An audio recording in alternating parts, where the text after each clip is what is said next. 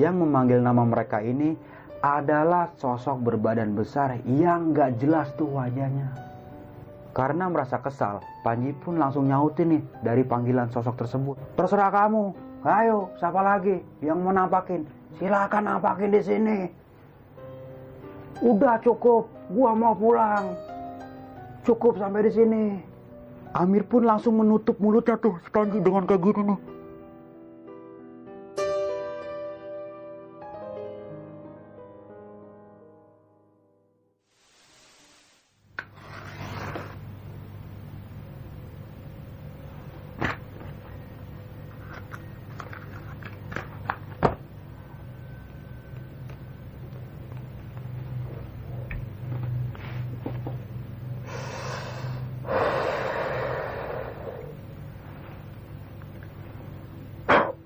Assalamualaikum warahmatullahi wabarakatuh. Balik lagi di besok pagi. Kali ini bersama gue Bang Mange. Sebelumnya gue ingin berterima kasih banyak nih Buat teman-teman semua yang udah mensupport channel besok pagi Hingga sampai saat ini. Tanpa support dan dukungan dari kalian Kami tak akan bisa sampai seperti ini. Di segmen kali ini Gue akan menceritakan pengalaman dari Amir dan ketiga temannya Ketika melakukan pendakian ke Gunung Butak Amir, Kinoy, Panji, dan Yeye ini benar-benar diteror nih selama pendakiannya banyak hal-hal yang di luar batas nalar kita nih sebagai manusia biasa. Buat teman-teman semua, simak terus ceritanya sampai habis agar nggak terjadi kesalahpahaman nih. Dan banyak banget nih poin yang bisa diambil. Dan terima kasih banyak buat Amir yang udah mengirimkan cerita ke sini dan udah ngizinin gua nih untuk membawakan ceritanya kali ini. Thank you banget Mir. Sebelum masuk ke cerita, bagi teman-teman semua yang belum subscribe, silahkan di subscribe terlebih dahulu like, comment, and share. Dan jangan lupa nyalakan loncengnya agar teman-teman semua nggak ketinggalan nih video terbaru dari besok pagi. Dan bagi teman-teman semua yang mempunyai cerita pengalaman pendakian, terutama di hal gaibnya, dan ingin berbagi ceritanya di sini, bisa langsung kirimkan cerita teman-teman semua di besok pagi ch@gmail.com ataupun ke Instagram besokpagi.adf. Nanti linknya gue taruh di bawah ini. Berulang-ulang kali nih gue mengingatkan buat teman-teman semua bahwa saja cerita kali ini bukan ingin menakuti teman-teman semua, tapi tetap ambil sisi positifnya. Mau nggak mau, suka nggak suka, bahwa hal gaib itu ada di sekitar kita. Nggak usah lama-lama lagi nih, langsung aja kita masuk ke ceritanya.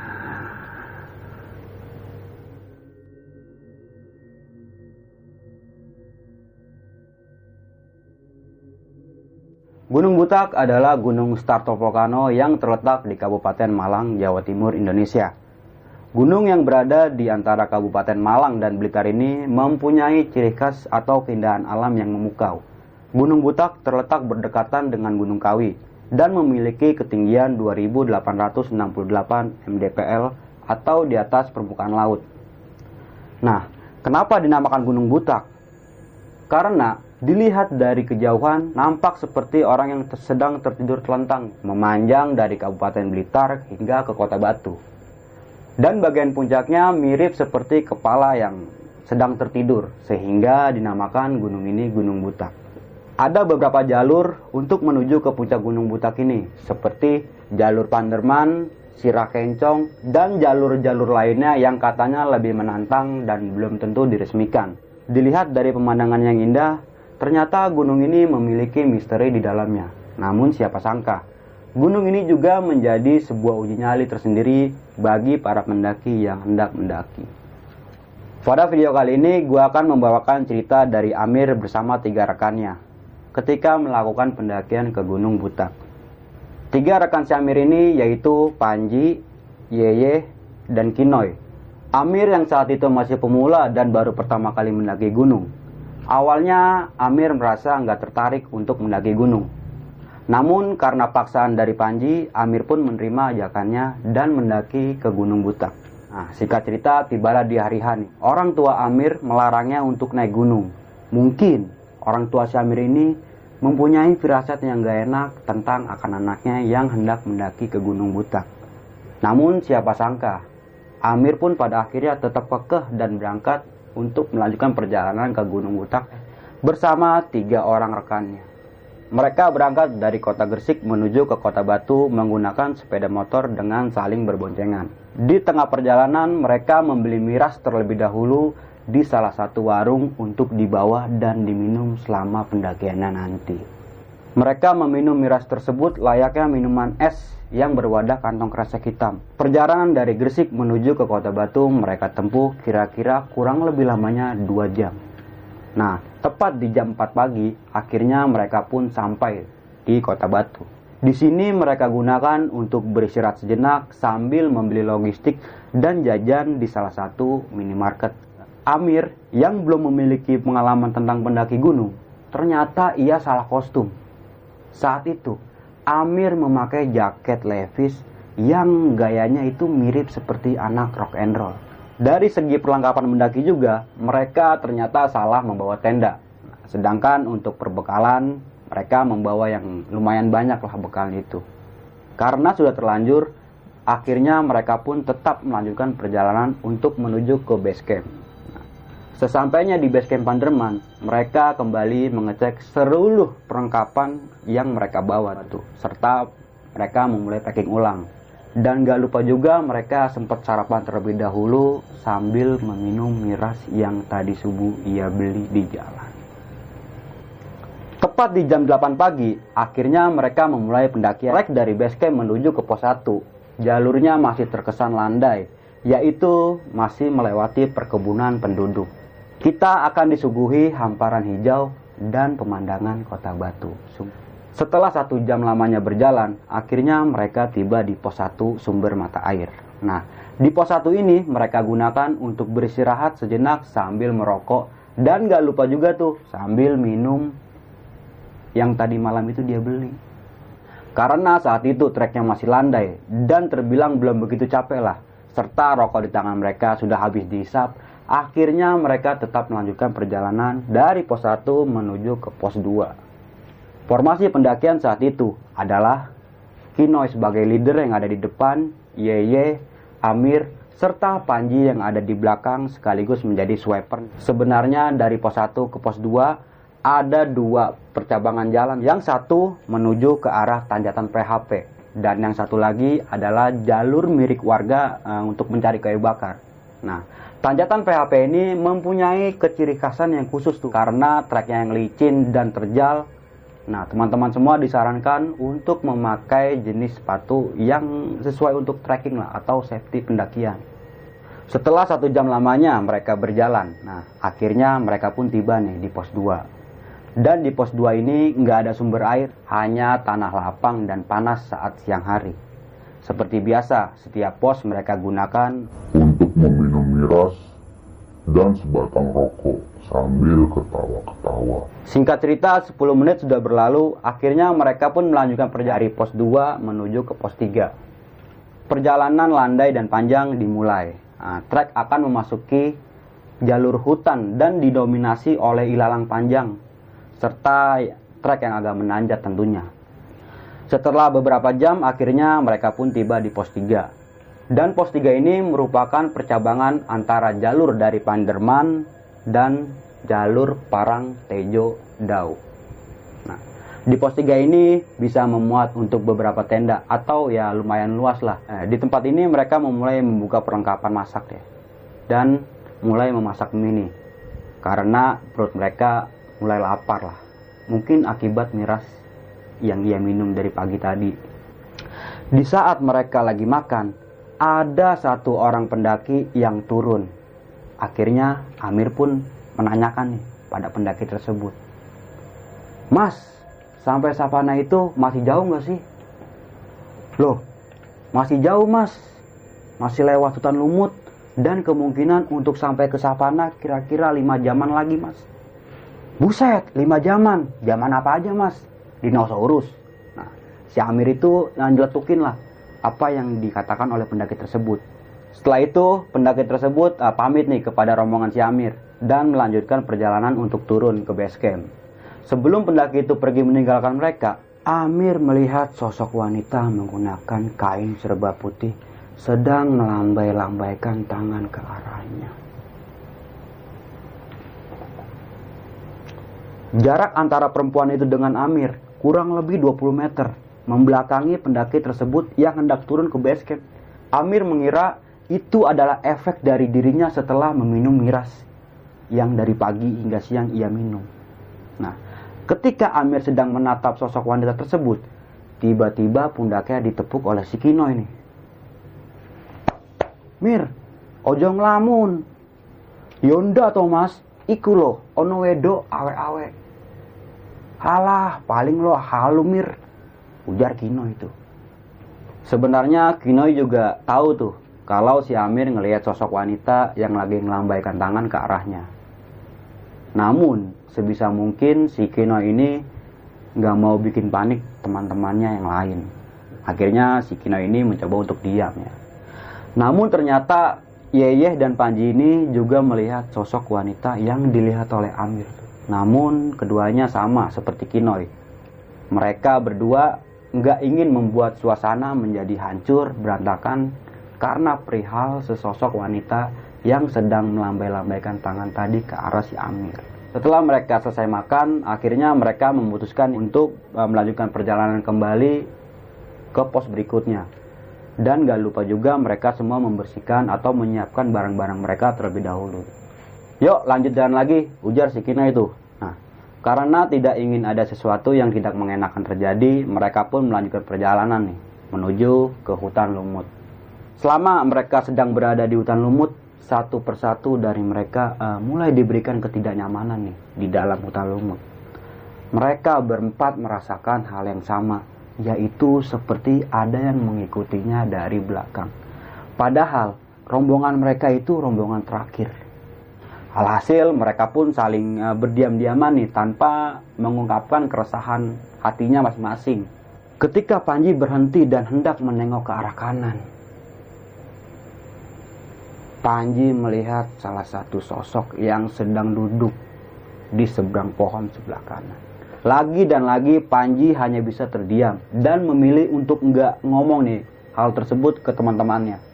Karena apa sih? Karena Panji ini nggak mau membuat teman-temannya itu panik ya. Nggak cuma si Panji aja tuh, Amir pun merasakan hal yang sama. Ketika Amir menengok ke arah ke belakang kayak gitu,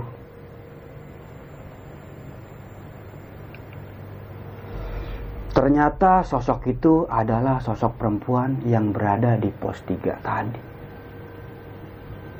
Sosok perempuan tersebut berhenti mengikutinya setelah mereka sampai di sabana. Namun siapa sangka, kengerian baru saja terjadi ketika mereka tiba di sabana tepat di waktu maghrib.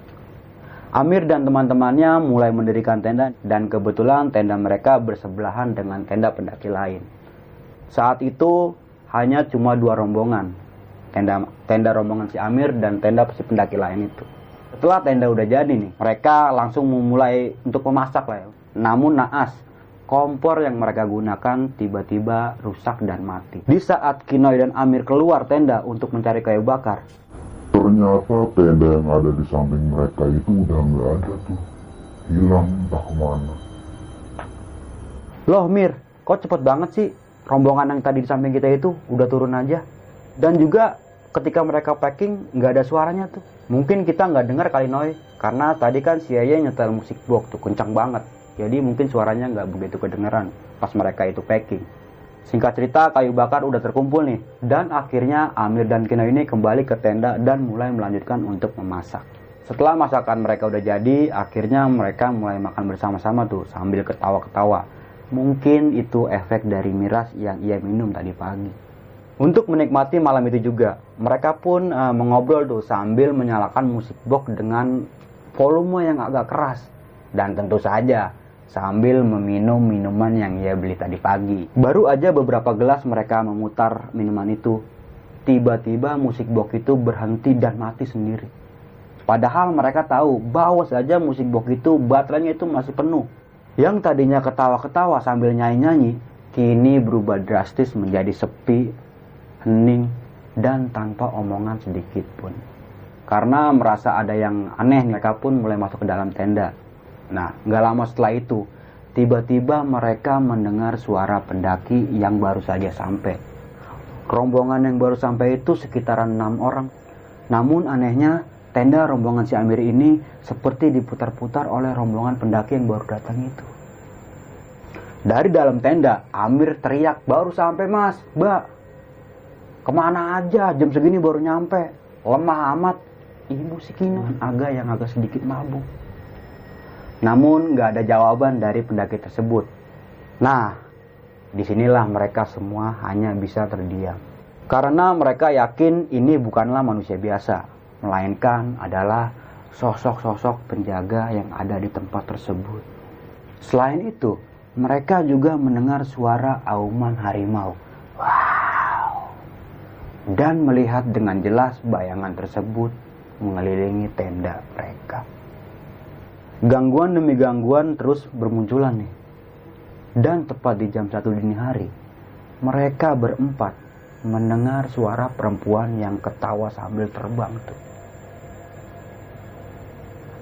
Dalam kondisi seperti ini, rombongan Amir diselimuti rasa yang takut yang luar biasa dan membuat bulu kuduk mereka itu semua merinding sejadi-jadinya. Padahal di malam itu nggak ada rombongan pendaki lain selain rombongan mereka. Nah, setelah kejadian tersebut, akhirnya mereka saling terjaga nih dan benar-benar merasakan hawa yang ketakutan hingga pagi tiba. Singkat cerita, waktu udah menunjukkan di jam 6 pagi mereka berempat menutup-nutupi tentang kejadian yang semalam. Nah, untuk melupakan kejadian yang semalam itu, akhirnya mereka memulai aktivitas seperti biasanya nih. Nah, mulai memasak, ada yang mengambil air, dan teman-teman yang lainnya berfoto-foto. Nah, saat itu Kinoy bersama dengan Amir nih menuju ke sungai kecil yang gak jauh dari tendanya. Nah, mereka sambil mengisi air lah karena perbakalan air mereka udah mulai menipis. Namun ada hal yang gak terduga nih mereka berdua melihat ada sesajen di dekat sungai kecil itu. Karena masih terpengaruh oleh minuman keras, Kinoy pun menghancurkan sesajen tersebut secara brutal tuh. Sambil menendang-nendangnya dan seperti orang kayak orang gila gitu mengamuk. Amir yang melihat Kinoy hanya bisa cuek karena sebenarnya mereka berdua nggak tahu mengenai dampak besar akibat melakukan perbuatan tersebut. Setelah botol mereka mulai terisi penuh, akhirnya Kinoy dan Amir ini kembali lagi nih untuk menuju ke tenda. Mereka pun langsung mulai memasak tuh, seperti biasa. Ngopi, rokok, makan, berak. Mereka lakukan semua di tenda. Sambil mengabadikan momen mereka berempat berdiskusi nih untuk pergi ke puncak atau enggak. Di saat diskusi kecil mereka udah selesai dan baru aja mereka bergerak beberapa langkah dari tenda, cuaca yang tadinya cerah, terang benderang, berubah menjadi kabut hitam dan pekat. Jarak pandang pun bersekitaran hanya satu meter aja. Akhirnya mereka pun mengambil keputusan nih untuk nggak melanjutkan perjalanan ke puncak dan memilih untuk tetap turun ke base camp. Nah, di sinilah hal yang mulai mengerikan itu pun terjadi. Nah, singkat cerita mereka pun setelah berkemas lalu mereka pun turun. Nah, nah di saat mereka mulai sampai di hutan lumut, tiba-tiba mereka bertemu dengan sosok besar yaitu Budeng. Budeng ini adalah sosok berbadan besar yang mirip seperti gorila. Namun, Budeng yang mereka temui ini bukan seperti gorila, melainkan kepalanya itu mirip kepala sapi. Seketika Budeng itu mengejar mereka dan beberapa kali mereka itu terjungkal balik tuh, jatuh. Jatuh bangun lagi, jatuh bangun lagi sambil berlari terus ke bawah. Nah, singkat cerita setelah usai dikejar-kejar Budeng, uh, mereka tuh agak bertepi sedikit ya untuk beristirahat. Nah, setelah beristirahat dan mereka pun melanjutkan perjalanan untuk turun kembali. Gak lama setelah beristirahat mereka pun uh, melanjutkan perjalanan. Baru aja beberapa langkah berjalan, mereka melihat sosok genderuwo. Bukan itu aja nih, sosok wanita yang mereka temui di hutan lumut juga mengikuti mereka sepanjang perjalanan turun. Rasa takut yang luar biasa terus menghantui mereka di sepanjang perjalanan turun ke base camp. Singkat cerita, tibalah mereka di pos 2 nih. Namun gangguan dan teror-teror dari penghuni Gunung Butak ini belum berakhir sampai di sini. Di tengah perjalanan, mereka menemui seorang pendaki. Tapi ketika mereka mulai mengikuti pendaki itu, ternyata pendaki itu bukanlah manusia. Kinoy pun menyuruh kepada teman-temannya ini untuk nggak panik nih. Dan mereka tetap melanjutkan berjalan sampai di turunan setelah pos 2. si Yeye mulai merasa agak aneh yang tadinya kiranya enteng berubah menjadi berat. Nah, tapi Yeye tetap memaksakan diri dan lanjut berjalan sambil membaca doa di dalam hatinya. Singkat cerita, tepat di jam 4 sore mereka pun sampai di pos 1. Di pos 1 ini, satu persatu nama mereka dipanggil. Dengan nada yang sangat berat. Dan ternyata yang memanggil nama mereka ini adalah sosok berbadan besar yang gak jelas tuh wajahnya. Karena merasa kesal, Panji pun langsung nyautin nih dari panggilan sosok tersebut. Terserah kamu. Ayo, siapa lagi yang mau nampakin? Silakan nampakin di sini. Udah cukup, gua mau pulang. Cukup sampai di sini. Amir pun langsung menutup mulutnya tuh si Panji dengan kayak gini nih. Dan menasehatinya untuk nggak ngomong sembarangan dan ngomong hal yang aneh di gunung. Karena langit udah mulai gelap, mereka pun uh, mengeluarkan senter nih atau headlamp.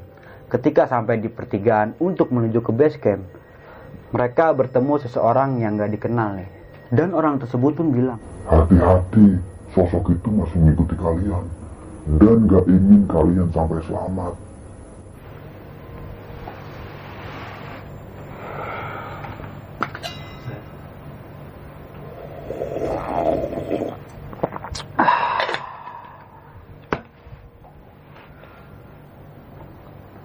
Dengan cepat Amir dan teman-temannya langsung turun menuju ke base camp. Nah, selama perjalanan turun menuju ke base camp, mereka seperti diikuti oleh sosok makhluk yang nggak nampak tuh. Pada kondisi seperti ini, Amir dan teman-temannya terus-menerus membaca doa yang dia bisa nih. Namun di dalam hati. Nah, singkat cerita, sampailah mereka semua di base camp nih. Amir dan teman-teman ini merasa sangat bersyukur bisa turun kembali ke base camp dengan selamat. Saat itu, mereka mulai beberes nih dan memesan teh hangat yang ada di sebelah warung samping base camp. Di dalam obrolan kecilnya, Amir dan teman-temannya ini sadar nih bahwa hal ini terjadi karena sebelum melakukan pendakian, mereka sempat meminum miras dan sempat mabuk. Alhasil, para penghuni Gunung Butak ini mungkin nggak seneng nih sama kelakuan si Amir dan teman-temannya dan berkeinginan untuk menyelakai rombongan Amir dan teman-temannya. Amir yakin kali ini menjadi pelajaran terbaik buat dirinya dan teman-temannya.